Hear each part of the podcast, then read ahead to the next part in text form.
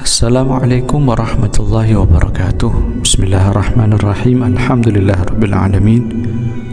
Allahumma salli wa sallim ala Sayyidina Muhammadin wa ala alihi wa sahbihi ajma'in. Ikhwani akhwati rahimakumullah. Pada saat ini Alhamdulillah Allah berikan kembali kesempatan saya untuk berbagi kisah hikmah yang sangat bermanfaat yang dapat kita jadikan teladan dan pelajaran dalam menjalani hidup kita menjadi hidup yang diridhai oleh Allah Subhanahu wa taala. Amin Allahumma amin. Yaitu kisah seorang ulama besar Al-Imam Syaqiq Al-Balkhi rahimakumullah. Pada suatu ketika Al-Imam Al-Balkhi ketika pulang dari kegiatannya beliau mampir di sebuah pasar membeli satu buah semangka untuk oleh-oleh keluarganya di rumah. Sesampai di rumah, maka buah semangka itu diterima oleh istrinya, dibuka, dikupas, kemudian dimakan. Dan ketika dimakan, ternyata buah semangka tadi terasa hambar, tidak terasa manis dan segar seperti harapan sang istri. Maka pada saat itu istri Al-Imam Syaqiq Al-Balkhi ini merasa kecewa. Kemudian dia mulai marah dan menggerutu. Akhirnya seorang yang bijak Al-Imam Syaqiq menanggapi amarah istrinya itu. Beliau bertanya dengan sangat halus dan sangat akhlak Beliau mengatakan dan bertanya kepada istrinya, "Wahai istriku, sebenarnya kepada siapa kau marah ini?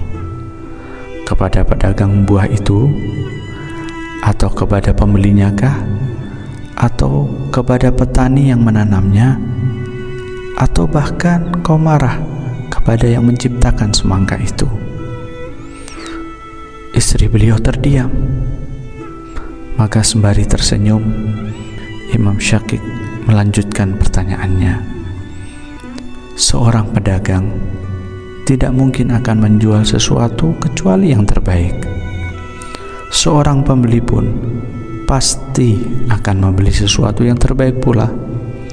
Seorang petani tentu akan merawat tanamannya agar bisa menghasilkan buah yang terbaik.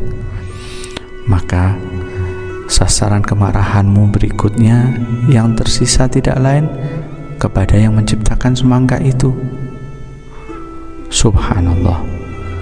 Nasihat halus dan tulus dari Imam Syakik ini menembus sanubari hati istrinya. Sang istri terdiam, kemudian terperangah. Terlihat butiran air mata menetes di kedua pelupuk matanya mengalir di pipinya. Tanda bahwa ia telah mengakui kesalahannya. Kemudian Al-Imam Syakik Al-Balkhi kembali menasihati istrinya. Bertakwalah kepada Allah wahai istriku. Terimalah apa yang sudah menjadi ketetapannya. Mendengar ucapan suaminya itu, sang istri menunduk dan menangis, mengakui kesalahannya dan beristighfar, bertobat, memohon ridho kepada Allah. Dan ia pun akhirnya menerima apa yang telah Allah Ta'ala tetapkan. Ikhwani akhwati rahimakumullah. Kejadian yang hampir mirip dengan ini sangat sering kita temui dalam kehidupan kita.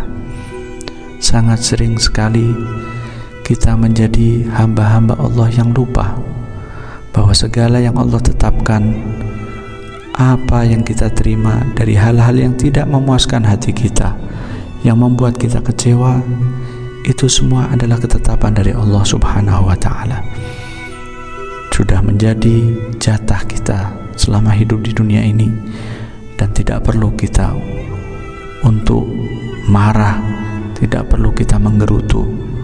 Jika kita ridho kepada Allah Subhanahu wa Ta'ala dan segala ketetapannya, maka Allah pun akan ridho dengan kita Allah pun akan ridho dengan sedikit amal kita dan kita akan diberikan oleh Allah Subhanahu wa taala kehidupan yang serba menyenangkan di dunia ini sampai di akhirat. Insyaallah kisah ini banyak membawa manfaat untuk kita. Wal minkum. Wassalamualaikum warahmatullahi wabarakatuh.